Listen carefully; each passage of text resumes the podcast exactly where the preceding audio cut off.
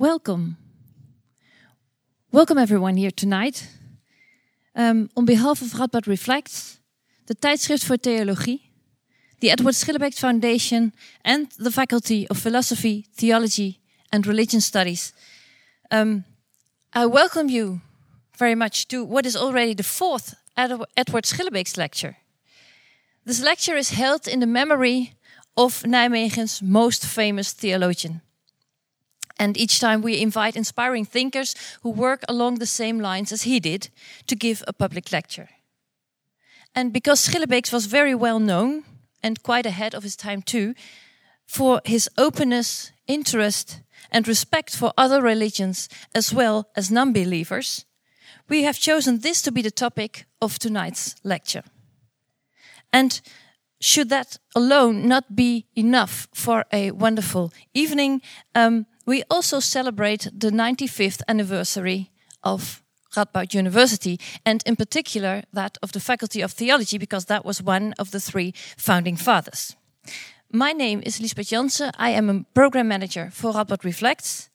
Um, and I would like now to give the floor to Erik Borgman, theologian at Tilburg University, chief editor of Tijdschrift voor Theologie, that was actually founded by uh, Edward Schillebeeckx, chairman of the Edward Schillebeeckx Foundation, and a lay Dominican. There's a lot more to say about Erik Borgman alone, but I think I have said enough for now. So I will give the floor to Erik to introduce tonight's speaker, Catherine Cornille. Erik.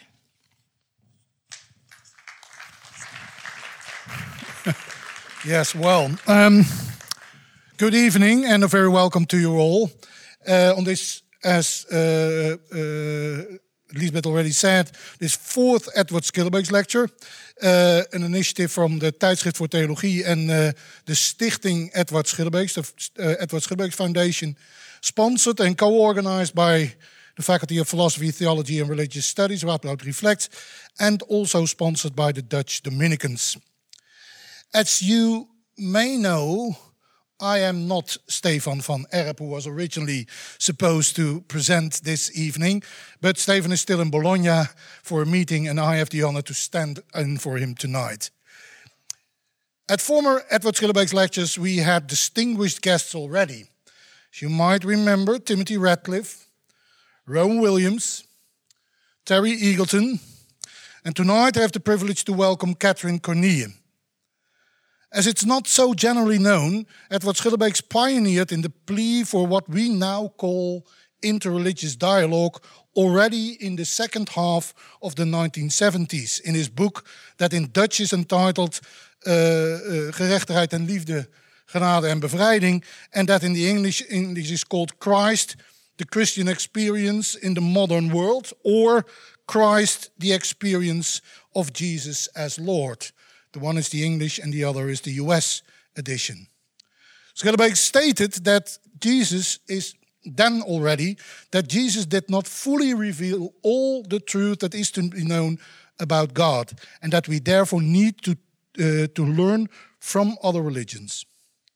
So tonight we have a world-renowned expert on the interreligious dialogue, Catherine Cornille, originally like Edward Schillebeeckx from Flanders, a student of Leuven, but now in Boston in the US. A very welcome to you, very welcome, warm welcome to you, Catherine. First, let me spell out a little bit of the, uh, of the schedule of this evening. Catherine will speak approximately 45 minutes, and then she and I will have a half an hour of conversation in these lounge chairs. Uh, so it will be a lounging conversation, as you all will understand. And then after that, there will be a quarter of an hour uh, for questions from you, the audience, and of course, answers from Catherine. And in the end, we will say something about the other event that we celebrate today, because together with the Edward Schillebeeckx lecture, we, uh, we, we have an Edward, Edward Schillebeeckx essay prize, and there is something to say about that as well at the end of this meeting. But first, let me properly introduce Catherine Cornille. She is a professor of comparative theology and specializes in theology of religion and interreligious dialogue. She presently holds the Newton College Alumni Chair of Western Culture. Yes, that's what they do in the United States, these kind of names, in the Department of Theology in Boston uh, College. Catherine Cornille is born in Flanders. She took a BA at the KU Leuven, an MA at the University of Hawaii, and then a PhD again in Leuven in 1989. Uh, and she's in Boston now since 2005, if I'm correctly informed. Among her books is a monograph of on the impossibility, the possibility, impossibility of the interreligious dialogue, published in 2008, and an, and, and an edited volume on Christian communities, uh, on sorry, Christian commentaries on the Bhagavad Gita in 2007, and another edited volume, volume on multiple religious belonging and Christian identity, entitled Many Mansions, published in 2010. She is also the editor of the Wiley Blackwell Companion to Interreligious Dialogue, published in 2013. The title of, the of her lecture tonight is In Pursuit of Humility The Possibility and Promise of Interreligious Dialogue. Catherine, the floor is yours.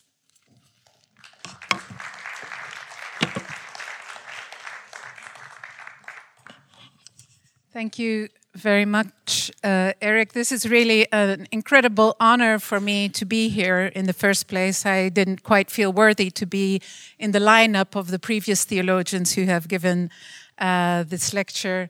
Uh, but I was able to meet, I, uh, had the uh, fortune to meet Schillebeeckx only once or twice in my life. And I remember how uh, incredibly impressed I was with his own personal humility for somebody of that stature. So I thought this would be an appropriate topic for this evening. Some of you may have come to hear the topic of the impossibility of interreligious dialogue, which is the title that I had uh, originally given for this talk.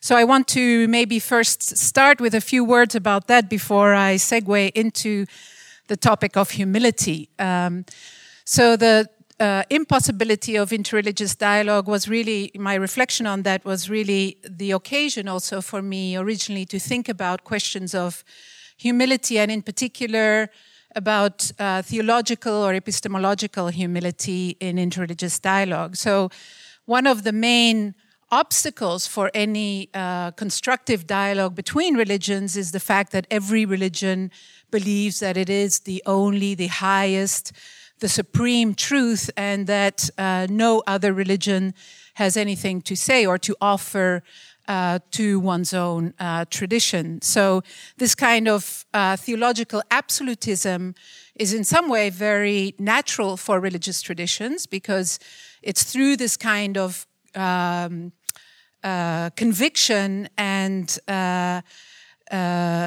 recognition that one's own religion has the fullness of truth, that one will develop a kind of complete dedication and submission of one's own will to that tradition. So the kind of theological absolutism goes together with what we call uh, religious confidence uh, in the truth and the validity of a particular religion to bring one to the highest good. So there is a logic for the absolutism of every religious tradition. But as you understand, it really doesn't go together with the kind of openness that is necessary for a dialogue between religions. So today, what I would like to do is uh, reflect a little bit more on uh, the topic of humility and what uh, religions can learn from each other. And uh, I will focus here mainly on what Christianity can learn from other religions in regard to the topic of theological humility and spiritual humility. So my talk will really focus on those two rather uh, distinct meanings of humility that are somewhat interrelated. You will see, hopefully, uh, as I go along, how they do connect with each other, but they are also different in terms of the way in which I propose Christianity can learn from uh, from other religious traditions. So.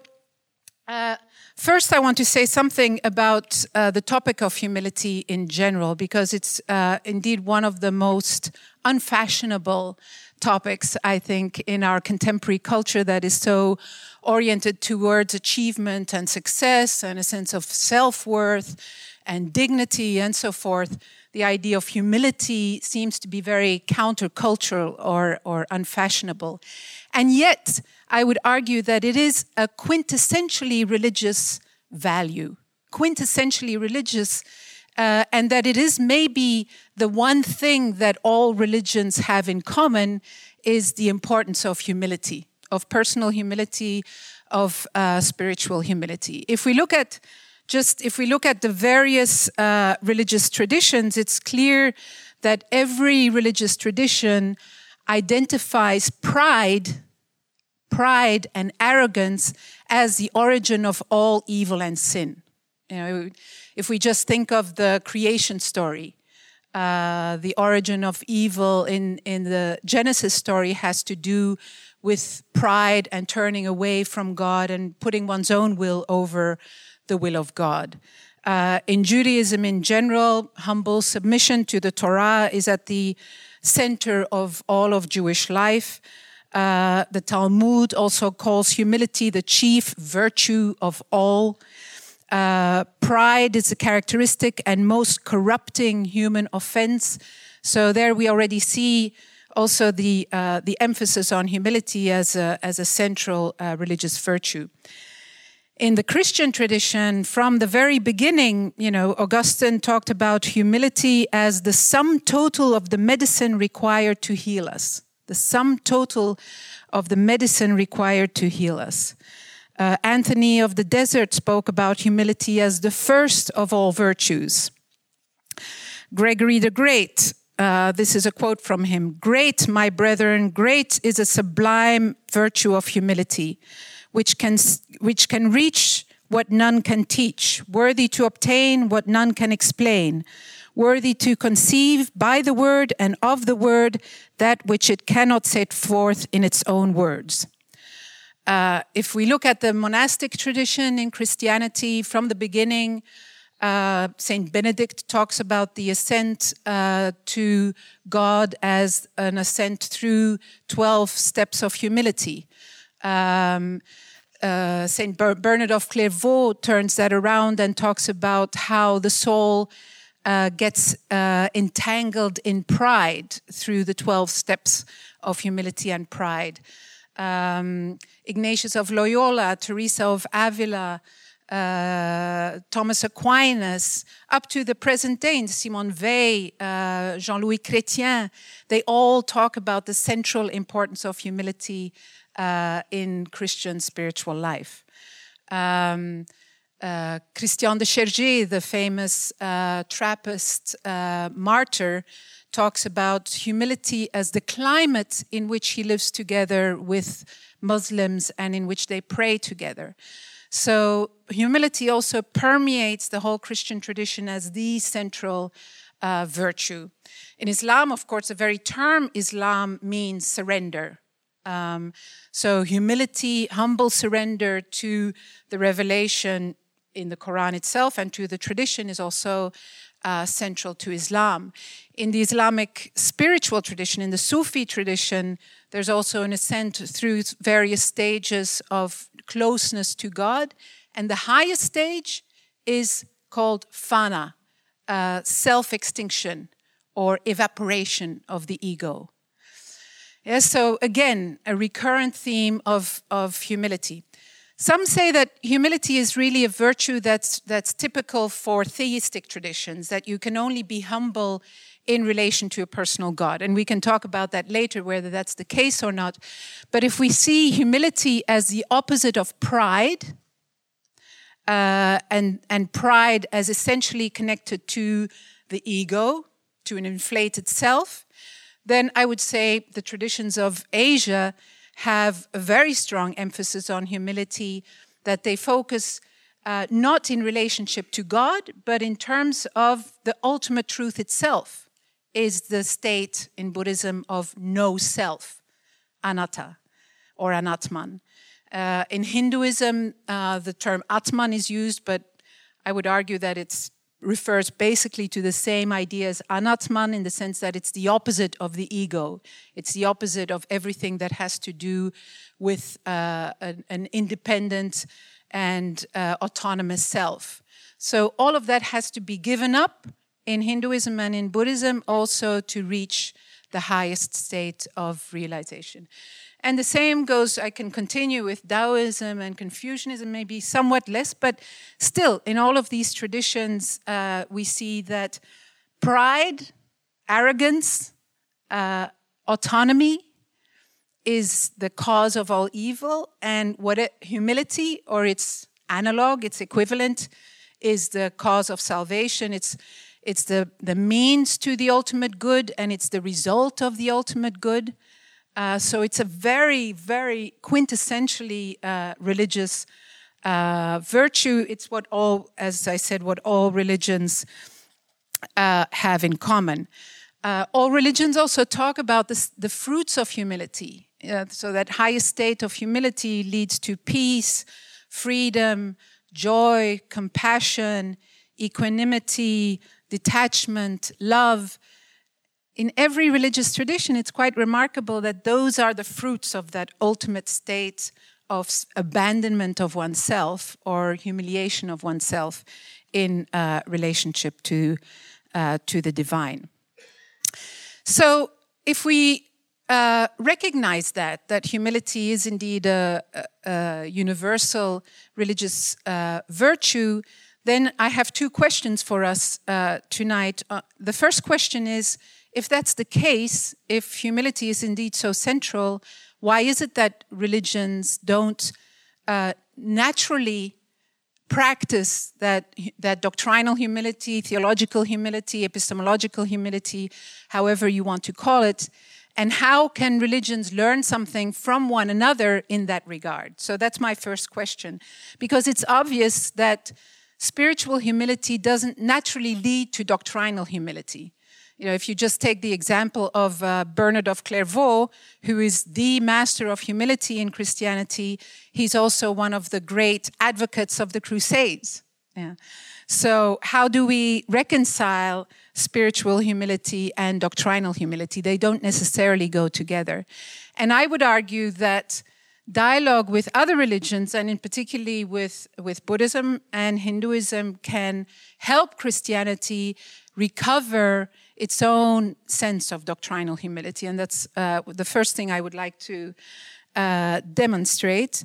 The second um, thing is that I, I believe that the, the, virtue of humility has come to be fundamentally misunderstood in, in the Christian tradition.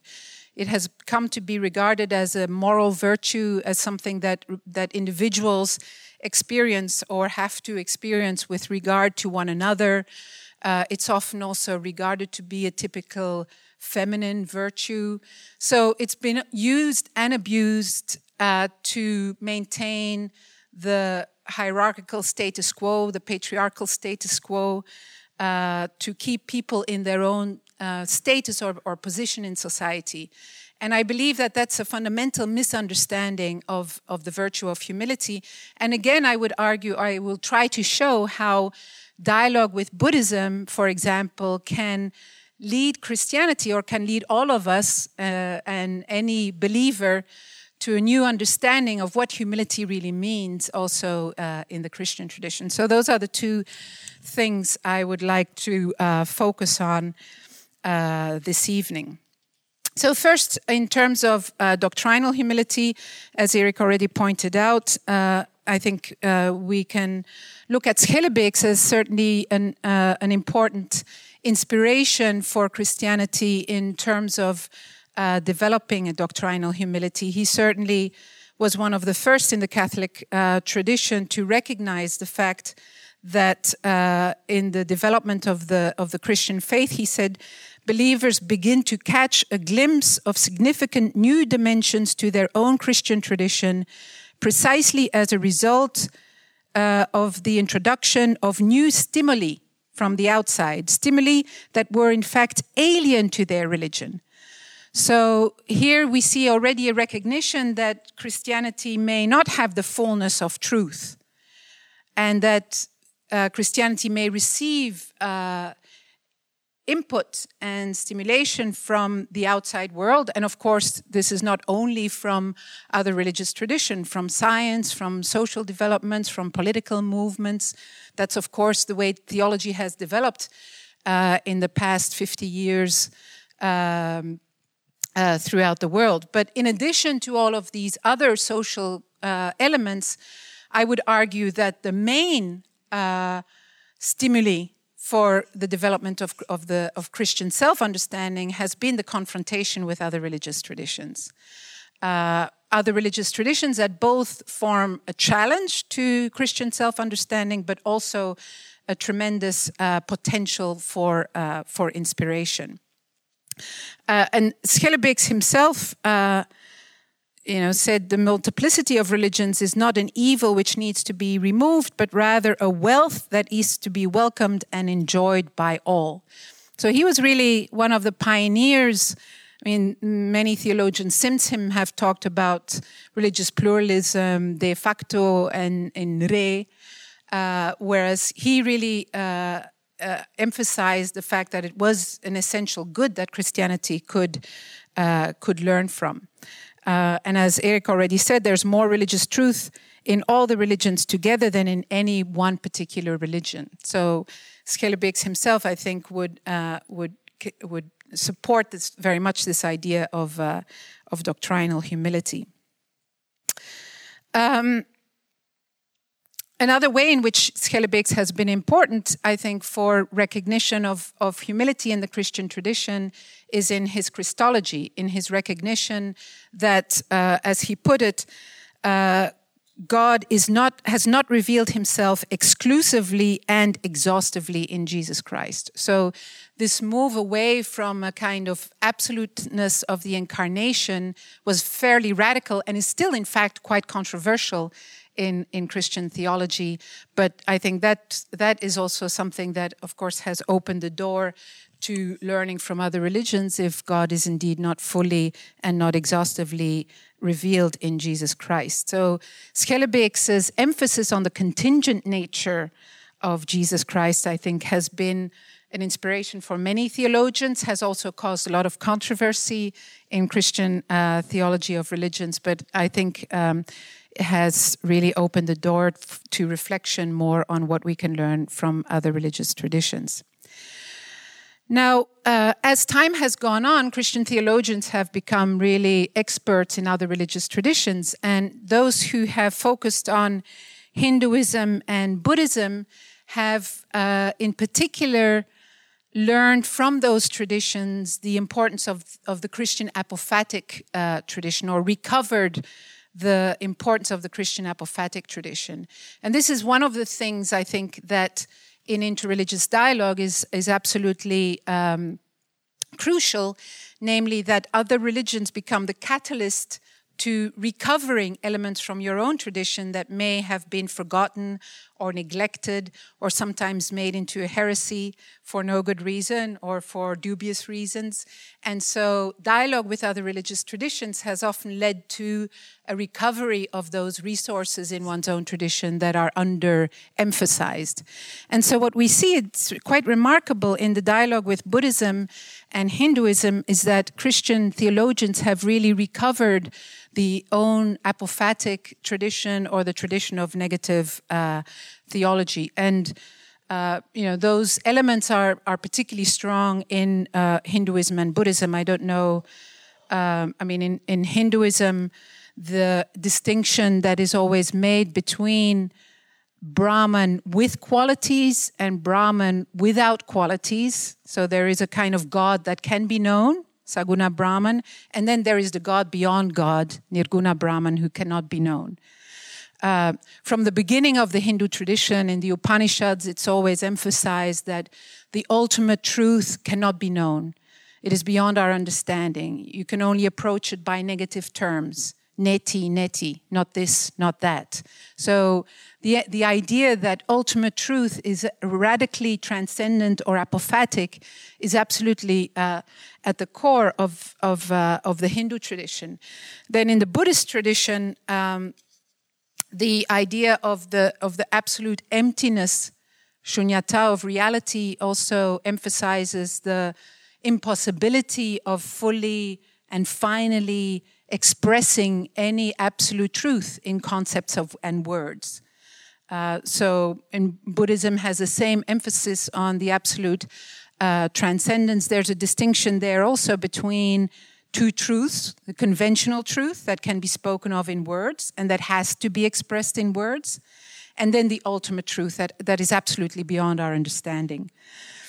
Um, and so these Christian uh, theologians have, uh, I will just quote a few of them in terms of how they understand the importance of these traditions for reimagining a kind of Christian theology that is more humble in its own self understanding. So maybe you're familiar with the French uh, Benedictine Henri Le Saux. He's, he went to India in the 50s already, so long before Vatican II, took the name Abhishiktananda, immersed himself completely in Hindu spirituality and became a disciple of a Hindu spiritual teacher and studied really Advaita very, very deeply.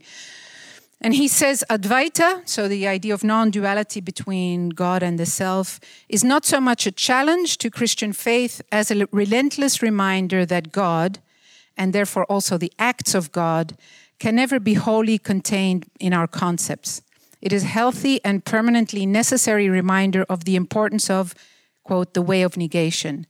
It condemns and at the same time frees us from the idolatry of the intellect in which our laziness and pride perpetually threaten to engulf us.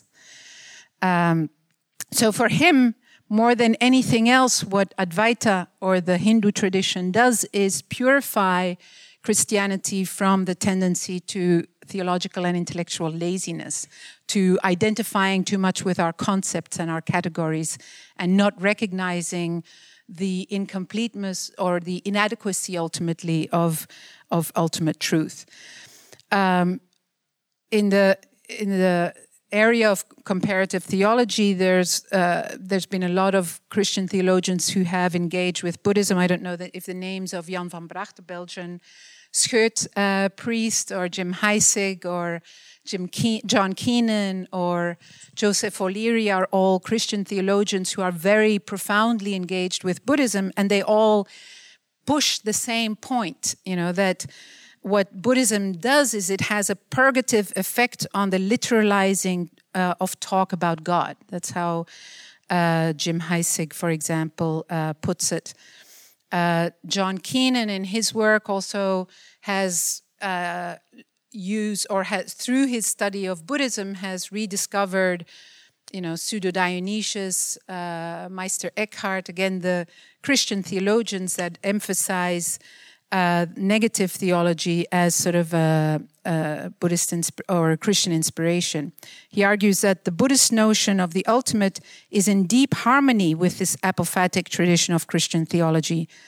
Far from being contradictory to, the, to Christian concerns, its insistence on the otherness is indeed method for uh, for abandoning the anthropomorphic musings that Christians are fond of in their consequent entanglement in imaginary and debilitating constructs.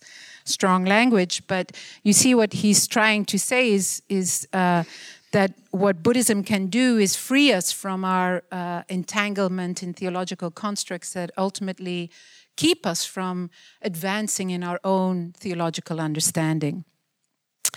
Um, and then, you know, comparative theologians are going further than that and adopting sometimes Buddhist concepts to rethink Christian theology. So, a very sort of um, pioneering uh, comparative theologian, Joseph O'Leary, for example, in many of his works, has used the category of upaya. That's a Buddhist category that refers to all doctrine as, quote, skillful means. So doctrines are not uh, absolute claims, but they are means to bring the devotee or the disciple to the experience of liberation, but they are not themselves absolute. They are skillful means. Now, when I say merely skillful means, that is not really the correct use of the term because skillful means are also true. They're not merely so that doesn't, by using that category of skillful means to apply it to Christianity,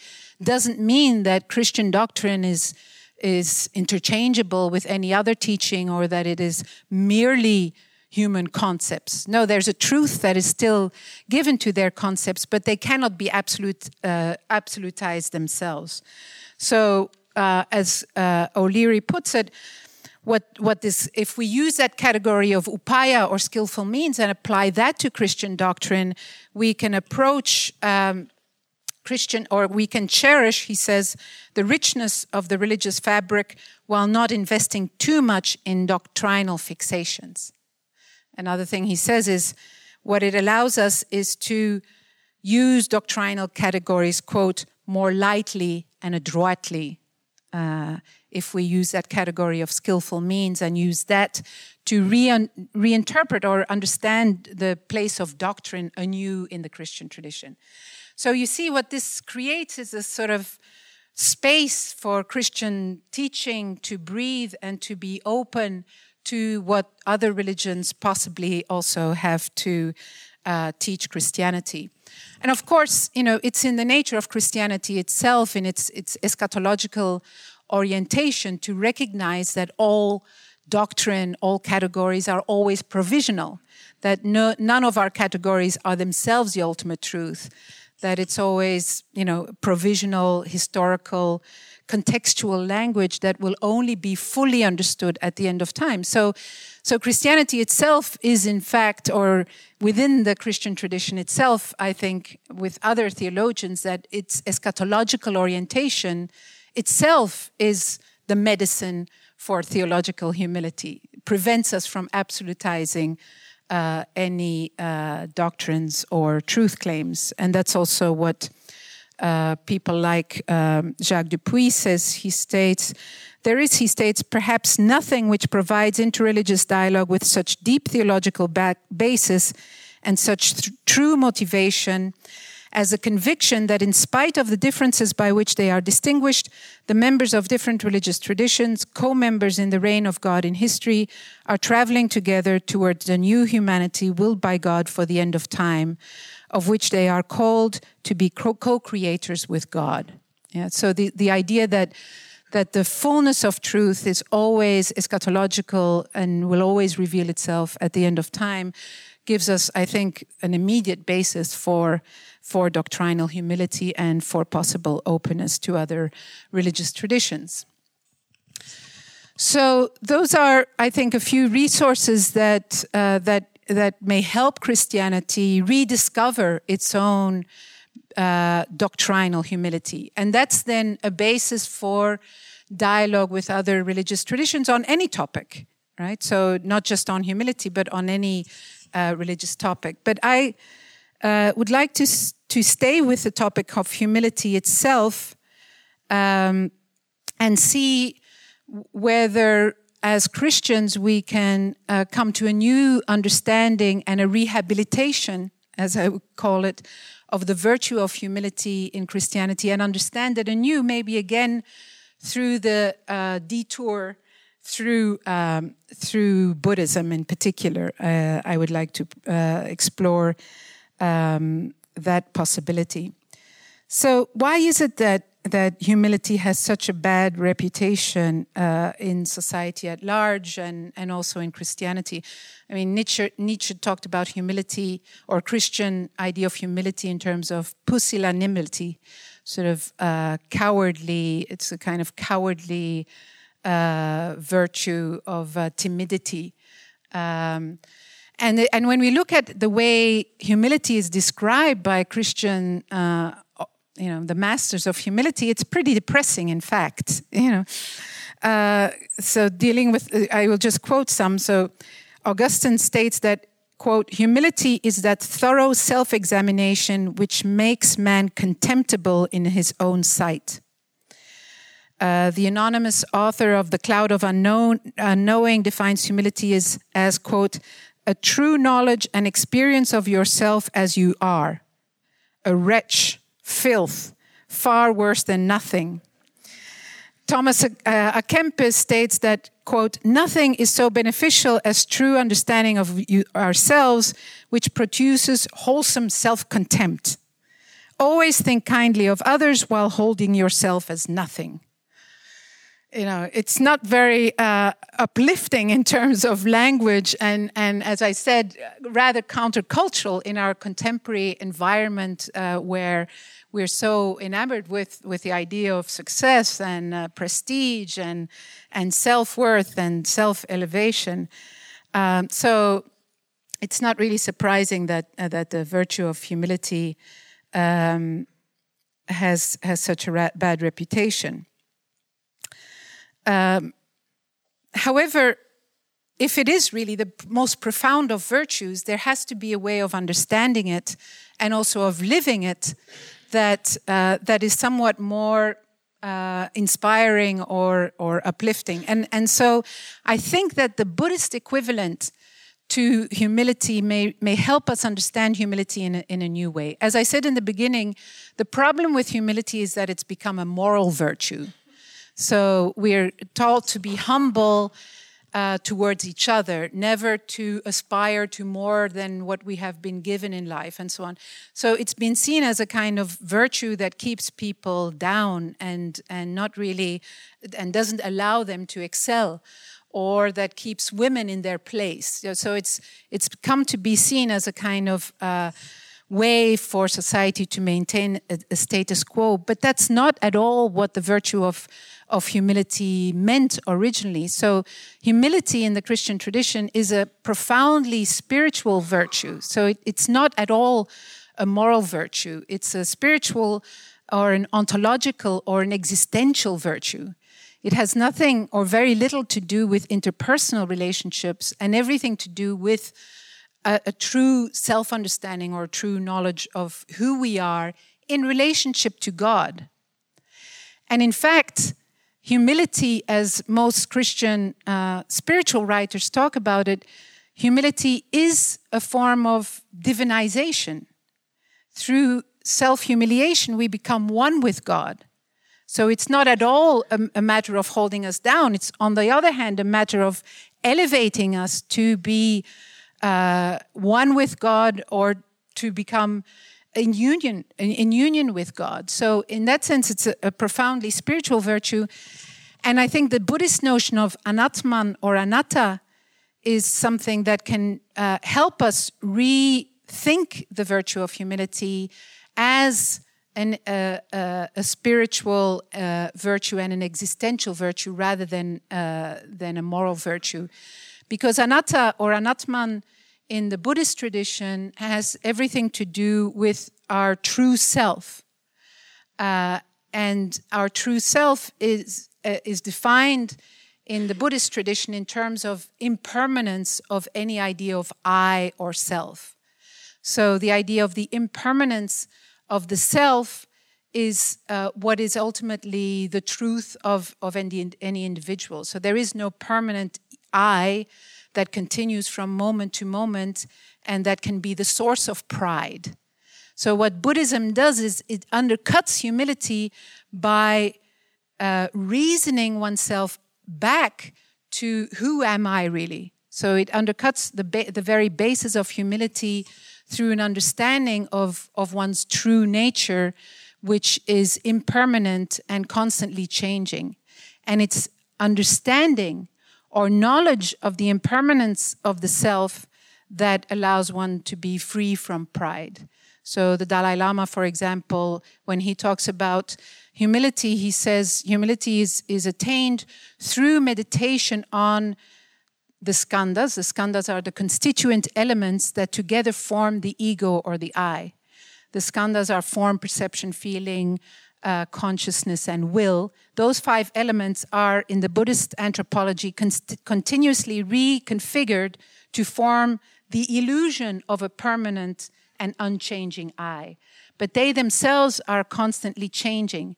So there is no I to be proud in the Buddhist tradition. And so it's really knowledge or understanding of that reality that frees one from attachment to the ego and from uh, behavior based on, on pride and the ego. So I think if uh, going through Buddhism and coming back to, to Christianity, we can come to a deeper realization indeed of the of the fact that humility is not a moral virtue but is an existential reality and i would even say you know if we can understand humility as the state of no, no self in relationship to God. Uh, I think that sounds a bit cooler, if you will, in, in the contemporary uh, climate and culture than the traditional virtue of humility. So maybe we need a different word for humility. Maybe the term itself has been so contaminated that it's very difficult to, to conceive of, of what it really means in epistemological or in ontological terms. Uh, but I, I, thought the idea of no self in relationship to God is is probably uh, a helpful way of of understanding humility and what it ultimately um, what it ultimately leads to. As uh, I said before. Um, a humility, and I mean, Christian authors also talk about it ultimately as uh, as an ontological virtue. So um, uh, Jean-Louis Chrétien, for example, says the distinct humility is the distinctively Christian and thus paradoxical response to the injunction "Know thyself." Um, Bernard also also talked about uh, pride or love of your own excellence dims the mind and overshadows the truth in such a way that you cannot no longer see yourself as you are actually or potentially, but you either fancy that you are or hope you will be such uh, as you would love to be. So, so you see, I mean, these authors also don't talk about humility in any moral sense. It's always in relationship in relationship to God, and by, as I said, uh, attaining humility, we rise to the to becoming one with God. Meister Eckhart has a beautiful image of. Uh, of, of mountains and valleys, he says the highest heights of exaltation lie precisely in the lowest depths of humiliation. For the deeper the valleys go, the loftier the heights that rise above them. The deeper the well, the higher too, for depth and height are the same thing. Um, so, you know, I think it's a, a constant in the Christian tradition that humiliation leads to uh, exaltation, and that that is really what, what that virtue of humility really is about. Um, we become the image and the instrument of God um, through the practice of, of humility. Um, finally, um, I think Buddhism, another thing that Buddhism can do for Christianity is provide some means to uh, realize that state of humility. I think Buddhism and Hinduism also, but more than any tradition, has been uh, has developed a very subtle and very sophisticated understanding of the human mind and how the experience of pride arises and how it's cultivated and perpetuated and so forth. And all of the techniques of Buddhism, whether it's Zen Buddhism or Tibetan Buddhism, uh, or Tendai Buddhism, all of the uh, practices of meditation in the Buddhist tradition are all geared towards uprooting uh, the sense of ego and pride. And uprooting it by not so much um, accusing somebody of pride, but by trying to go back to the root of it and cutting, undercutting the root of pride so that the experience of humility may be uh, or no self may be attained. So I think, you know, when we look at, at society to, today, uh, even though the virtue of humility is so outfashioned, uh, Buddhist practices are very popular and people flock to them in, in, in, in many Buddhist traditions. And nobody would ever admit that what they're looking for would be humility, of course. But they are looking for equanimity, they are looking for peace, for tranquility, for love, for wholeness, all of these qualities that are precisely the fruit of humility in Christianity. So uh, I think that's sort of also evidence that what Buddhism has to offer may be something that Christianity can uh, can learn something from. And I'm talking particularly in in the techniques of cultivating humility, uh, that epistemological humility. I, I don't have time to go into into those uh, those details now. I want to make clear that I I'm not arguing that Buddhism and Christianity are the same or that they are ultimately leading to the same goal or that the practice of humility in Christianity and anatta are are are ultimately the same. Uh, you know, Christian humility. One of the beauties, I think, of Christian humility is the fact that it's always regarded as a gift and not something that we can attain by our own efforts. So it's always regarded as a gift from God ultimately. And another very special teaching of Christianity with regard to humility is the idea that only Christ is fully humble.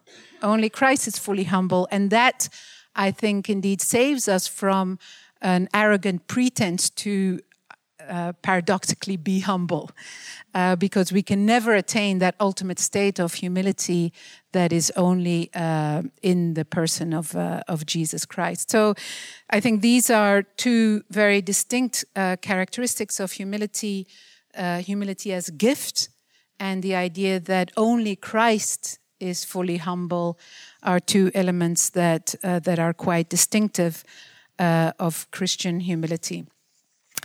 It's the ultimate state of humility that uh, Bernard of Clairvaux also talks about uh, in relationship to God. You know, is the idea of humility when it's in relation different from the experience of no self. This is sort of one of the perennial and unanswerable questions that have to do with the unity or diversity of mystical experiences. But I will just read to you what uh, Bernard of Clairvaux says about that ultimate state of total humility. He says, uh, There he sees invisible things and hears unspeakable words, which it is not given to man to utter. They are beyond the knowledge which night can pass unto night, for this is the word that day utters to day. And, and in another passage, he says, Finally, they are carried up to the hidden home of truth itself, and there they say, My secret to myself, my secret to myself. Uh, so the, these words, again, point to, I think, the ineffability of the experience of total humility of becoming one with God. And that's, I think, where there is a connection with the idea of doctrinal humility in becoming completely humble, we get a first-hand experience of the radical inf- ineffability or unspeakability, inadequacy of our words to express the ultimate reality. And that then, in turn, reinforces, I think, doctrinal humility.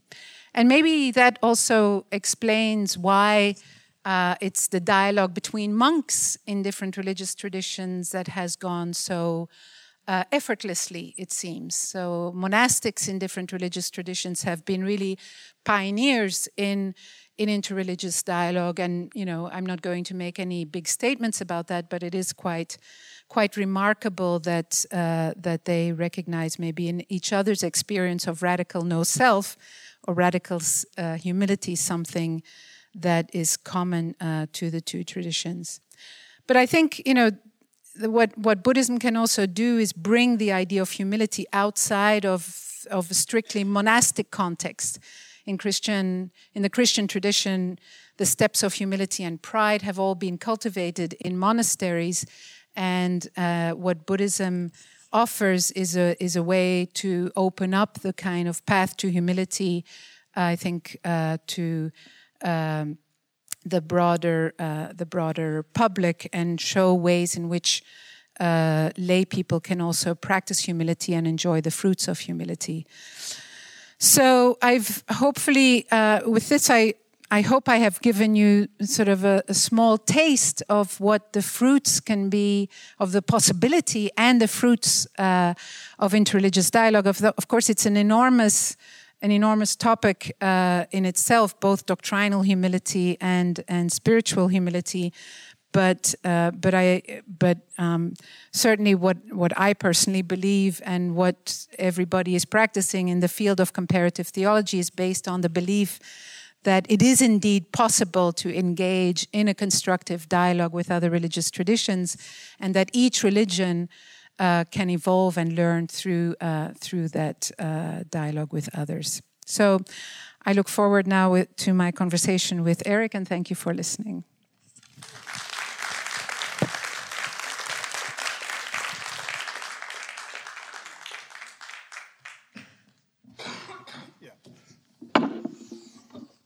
Of course, we have to bring the time because otherwise we are um, we can be humble, but we are lost anyway. Then, uh, so it's good to at least to, uh, to, to have the discipline of the of the clock.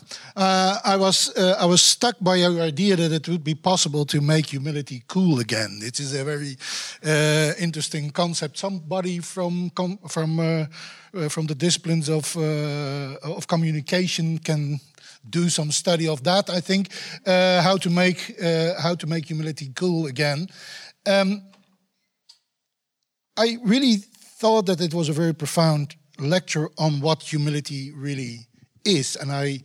Um, I, I, was struck by the by the levels you you did it more or less, uh, or at least seemingly offhand, but you you re, you, you used a very very different different levels of what humility is. I mean, first of all, of course, in interreligious dialogue, humility simply is I have to be able to listen to you, and if I think I know everything. Why would I listen to you? So that's that's humility in a very, very normal uh, normal sense of the word. But then you move on to uh, the idea of humility of a, of a whole tradition, and then of course to almost an ontological. Uh, an ontological aspect of being human is, is uh, and the insight in that, and in the end, you even suggest that God, or at least Christ, might be, uh, in His way, humble, and then, of course, the whole thing of humble and exaltation, or more or less twist. Um, could you say something more about the, the, the, these levels and how they are connected? I mean, do you think that, for instance, the whole starting point, being humble enough to learn from other traditions, has something to do with this ultimate humility that you're talking about? Could you say something more on, on that issue? Yeah, so it's only through that ultimate humility that uh, religions can learn something from, not just about other religions. Yeah. So, so learning about other religions, of course, requires just a basic intellectual humility that we don't know everything, and other religions are very complex and diverse, and we have to engage in a profound study of the other religion in, in order to learn about it but in order to learn from it, that's where the idea of, of doctrinal humility is necessary, and where I have tried to find uh, resources within the Christian tradition in order to make that possible. And every tradition, of course, has to do that for, for itself. So I would mm-hmm. say that that, that ty- type of uh, doctrinal theological humility is necessary for every religious tradition. In Christianity, we try to find it in in eschatological uh, anticipation or in our apophatic tradition or in our historical consciousness and so forth but but every religious tradition has to find it somewhere in its own sources. And maybe some traditions have more capacity for that humility than others. We also have to look at that uh, sometimes in in the dialogue with religions. But yeah so so, yeah, theological humility is precisely what is necessary for dialogue and for the possibility of, of dialogue on spiritual humility also. Yes, okay, thank you. Uh, but I, I would like to push it uh, a little uh, a little further because when when you when you try to explain it in this way, you're almost suggesting that you first have to be part of a religious tradition already to be able to understand what other religious traditions are saying. And then humility is always part of, at least also part of your own tradition. How do you see that? Is, is, is interreligious dialogue only possible when you are from a certain tradition and then become more or less dissatisfied with with it or say well there should be more or how is this relation is it, possible? is it possible to be non-religious in, in or in, at least outside of an, uh, any tradition and then do something with interreligious dialogue yeah so this is a very hot button, and when you push this yeah, one, yeah, I can yeah, go sure, on sure. for quite a while. but um, I would say that uh, if you're not part of a religious tradition, I don't think uh, the idea of doctrinal humility is a problem because you you're not part of a tradition that claims to have the absolute truth. So in some sense, it's easier because you you're not burdened by the claims of a particular tradition. Uh, on the other hand, there's also something uh, problematic in terms of interreligious dialogue. Um, so I think if we talk about interreligious dialogue, we're talking about dialogue between religions or religious traditions that that have their challenges and, the, their obstacles and that have to be uh, dealt with in order to move forward. Uh, but still, the fruits of those kinds of dialogues then can be brought back to a tradition and and and be used by a broader religious tradition. If we talk about interreligious dialogue as a purely personal experience, it may be easier to enter into dialogue. And we see, you know, the idea of, uh, you know, in the period of New Age or now religious hybridity, people pick and choose from from different religious traditions in a in an attitude maybe maybe of of personal humility in terms of learning from other religious traditions, but there's something I think, missing in terms of a, a, a, religious humility towards a kind of absoluteness that is given.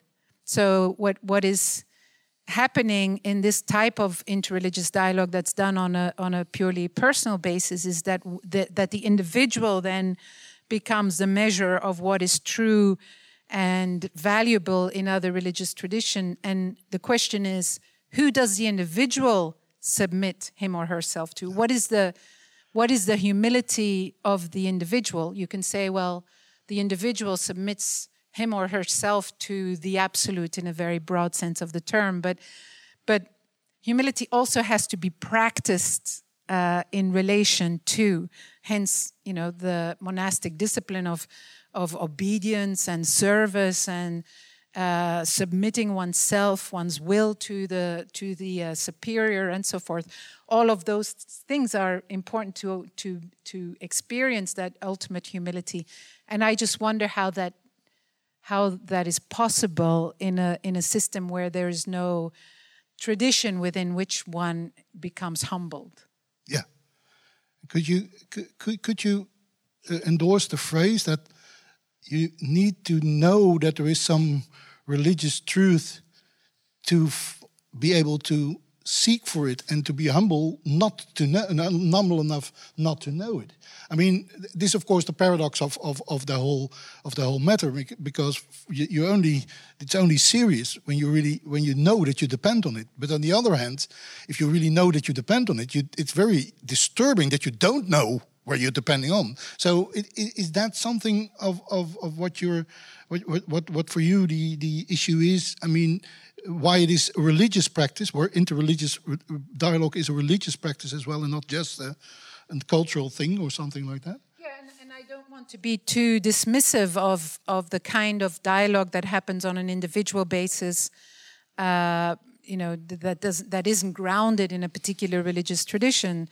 Uh, it can be very sophisticated and and very interesting but what it misses, I think, is the aspect of, of otherness, the otherness that to which one submits oneself. Yeah. Uh, so the idea of, of heteronomy that's so essential to religion, I think, is just not present. And, and I would say this situation in which any individual um, combines elements from different religious tradition just creates different cells of, of individuals practicing different things, and then the, the, uh, the very idea of a tradition disappears. Yes. Think. Yeah. yeah, yeah. Yeah, on, on a little different note, but more or less on the same same issue, you're you were quoting a, a number of of things from uh, especially the Buddhist and Hinduist and Buddhist tradition of more or less like the idea of, of course, ultimately we cannot speak or, or know or talk about what God really is. Uh, God is beyond words, etc., etc., etc. And I was, I have to admit, I, I always become a little nervous because of that kind of of of of uh, things. Not necessarily because then I uh, I see my own uh, my, my own job disappear. I mean, what is there if we cannot talk about it anymore? Uh, but uh, but it's it when you really think that our language doesn't tell you much anything about the divine. Well, there is no reason, but ultimately no way of being in dialogue because everything more or less is the same, or we don't know what the difference is. So that is uh, so for me there is something which is also has has a has a Christian aspect. I mean, the whole idea of of incarnation is there, and and uh, and how serious uh, do you then take our histories and the language that's of course always connected with histories but also the more principle understanding. How how could you combine that idea with the necessity to dialogue? I mean because then there is nothing to dialogue. You can say simply say okay if that's what you think probably just as far from the divine as i am. So that's but how do you deal with that kind of so um, that's the question of the difference between relativism yes. and relativity, yeah. I would say. Yeah. So you can understand or you can realize the relativity of your language without falling into relativism. Um, and the way to understand that, and, and in fact, you know, even Hinduism and Buddhism don't think that all language is equally true or interchangeable. Yeah the idea of two truths in Buddhism is, a, is based on the idea that conventional truth is arguable. If you look at the whole history of Tibetan Buddhism, it's a whole history of theological and Buddhological argumentation between different schools on which one is, is which one uses language that is more adequate. Yeah. So, if language was absolutely indifferent, then they wouldn't argue about it. Yeah. So, certainly, in, in, well in any religious tradition language is absolutely important and is reflective of truth. And the transcendence is always in transcendent of something in particular. So i don't think you have to emphasize the rel relativism of what you believe. It's god is transcendent in relation to what we already believe and what we believe to be true but it's still beyond that.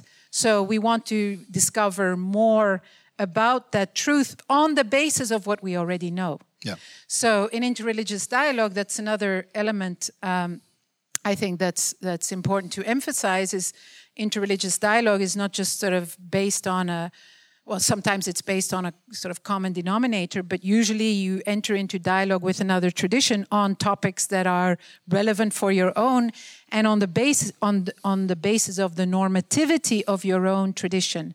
So when I as a Christian enter into dialogue with Buddhism, I will not recognize as valuable or true anything that is not in that is in contradiction uh, with Christianity. So I will only recognize as valuable and true things that are in continuity, uh, in complementarity with, with Christianity. So, so I think recognizing the inadequacy, the ultimate inadequacy of religious language doesn't mean emphasizing the absolute relativity and, and, and interchangeability of all language.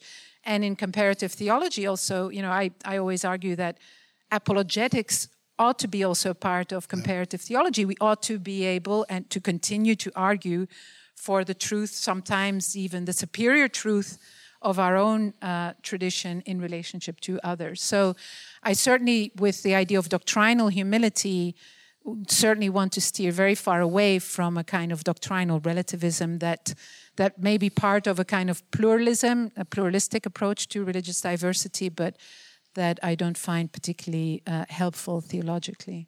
Yeah, but is, that is very much a part of our culture. So that's, of course, why I, I, I teach you how to say a little bit more on that, because uh, I think this is one of the problems with, uh, at least from my point of view, with interreligious dialogue, not so much the dialogue in, in itself, but the whole idea that this ultimately means that no religion is true anyway. So, and then of course you you, you lose the whole the, the whole the whole debate uh, because then nothing is is important again anymore, uh, which is I think related to something you you're uh, you're you're refer to almost in uh, in passing uh, in your lecture, but.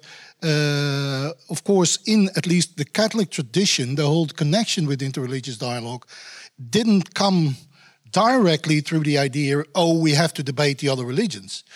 It came, at least for people like Schillebeeckx, from the idea that we have to learn not only from our own tradition from within, but also that some things are coming to us and that could be some had something to say to our tradition. And part of that is history. I mean what history is telling us other philosophers even atheism. I mean that's of course one of the main things of vatican ii that she that, that even thought that atheism could uh, teach us something about God, and then, of course, also religious traditions. So, uh, how do you connect the idea? Do you connect, or do you still connect? And how then do you connect the idea of interreligious dialogue and with this aspect of theology, learning from what is foreign to us, making the tradition more instead of less, or at least having everything more or less in the sources and then just roll it out? I mean, just bring it in the world. This is the other way around. You connect something again to your tradition. Yeah, I mean, it, it requires a theology that recognizes the possibility of truth outside of one's own tradition. Yeah.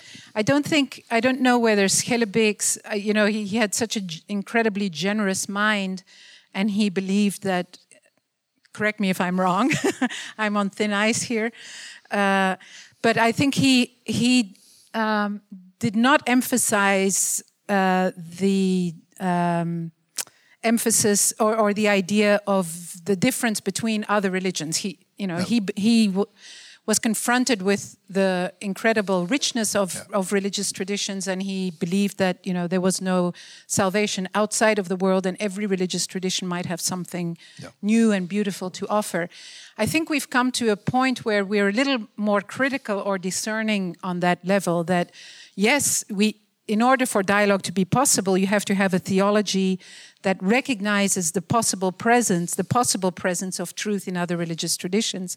But that doesn't mean that every other religion is, is equally true or that you can learn any, anything from a particular other religious yeah. tradition. So, so there, there are different models for, for uh, theology of religions. And I think, you know, in the Christian tradition, theologians have turned mostly to the Holy Spirit, to you know the pneumatological tradition as the basis for recognizing the possible presence of truth of, of truth in other religious traditions. And if we believe indeed that the Holy Spirit is at work outside of the church in other religious traditions, it's not only possible but necessary for us to engage those other religious traditions and see whether there are uh, elements of truth that that we can yeah. learn from.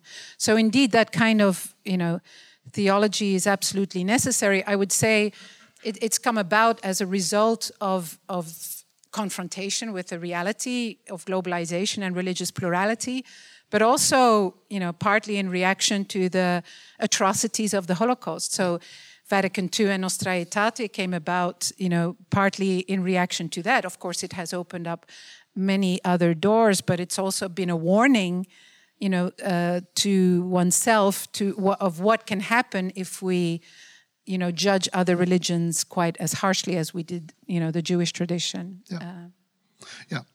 Um, yeah, which brings me, I think, to the to the to the last twist you brought in your paper, uh, which I th thought very interesting. That ultimately you say something like, "Well, we also know from the Christian tradition that Christ is the only true humble one. And then, of course, the whole thing changes again in the sense that first we have to be humble to be open to other traditions, but at the same time, some humility is, is the core of our own tradition. I mean, this is, um, I like this idea very much because that is only then then then you're you're away from the idea that well of course you you have your own truth and your own tradition but there is also something else and then you have to dialogue with it. This makes it part of what theology is about. But could you say a little more on on this idea? I mean uh, do you do you think that that is in a way the core of the christian tradition that dialogue could be the core of the something like that? Is that what you're driving at? Um, I don't know if, if I would say dialogue is the core of the religious tradition based on the humility of Christ.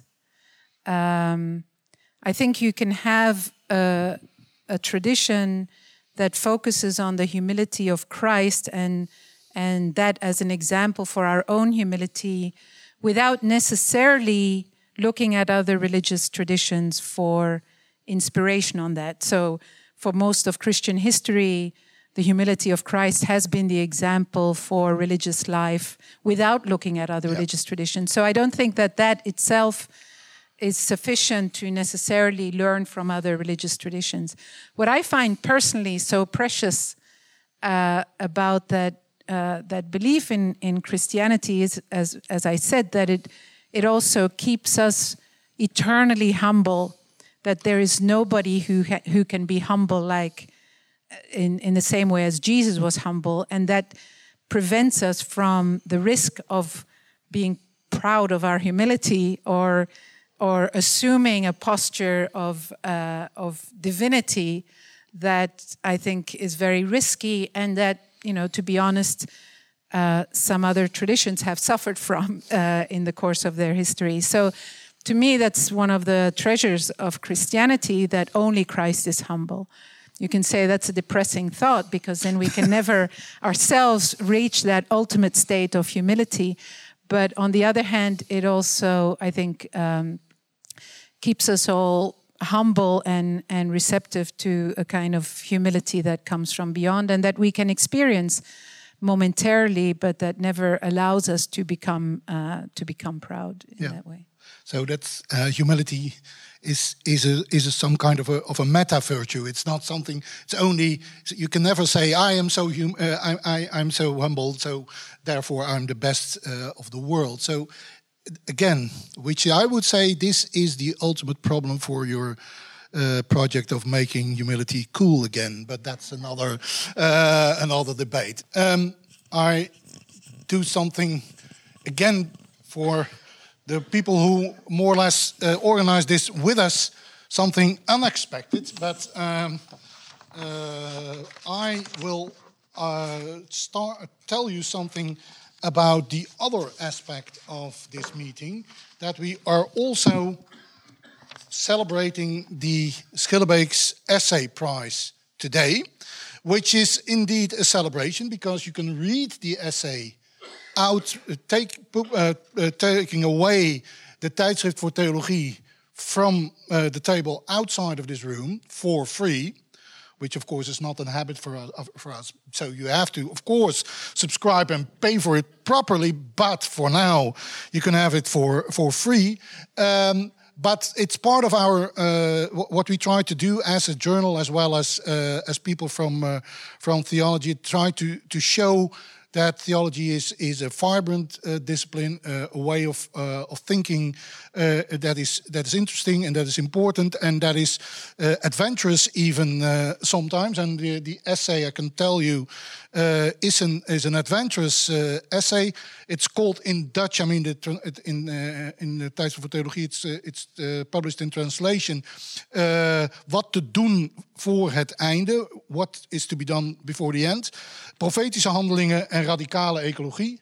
Prophetic uh, well, acts and a radical ecology, uh, which is a way of trying to uh, understand ecology and, and the way of dealing with it as, as a prophetic, in a, from a prophetic point of view, more than from the, from the normal way of trying to be a little bit, well, better in the in the sense of uh, of, of our ecological virtues. It's a, it's an interesting uh, essay. The all the other essays or a lot of other essays we were uh, that were sent in were in, were interesting, as it is a trend in theology, what we saw in these essays is that we are moving on to young theologians who are not afraid to pick up uh, topics that are, well, to say the least, not very common, not very well studied already. So they are adventurous. They want to move on. They want to do something different. They want to be something.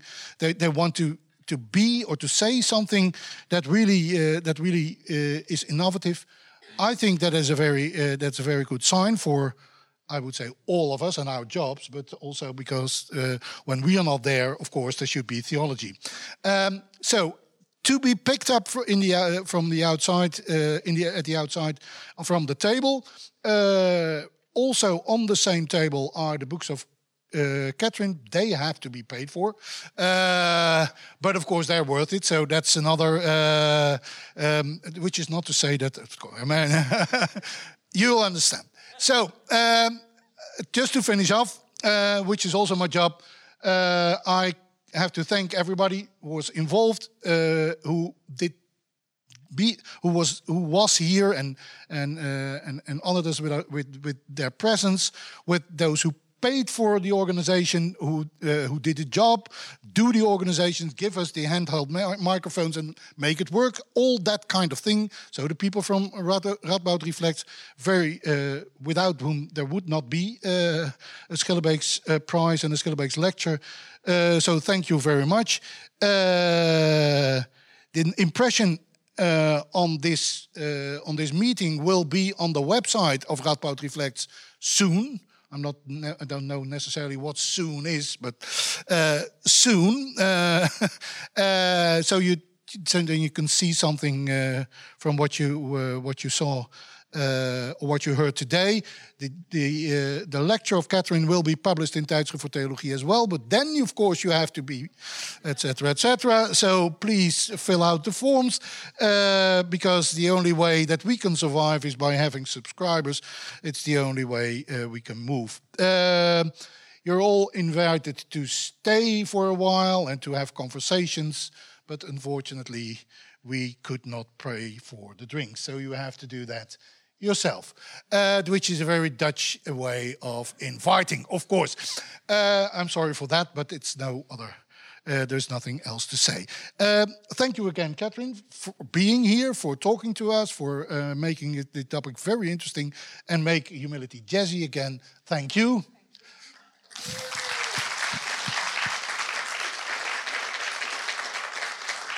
And uh, thank you all, and have a nice evening or what's left of it. Thank you.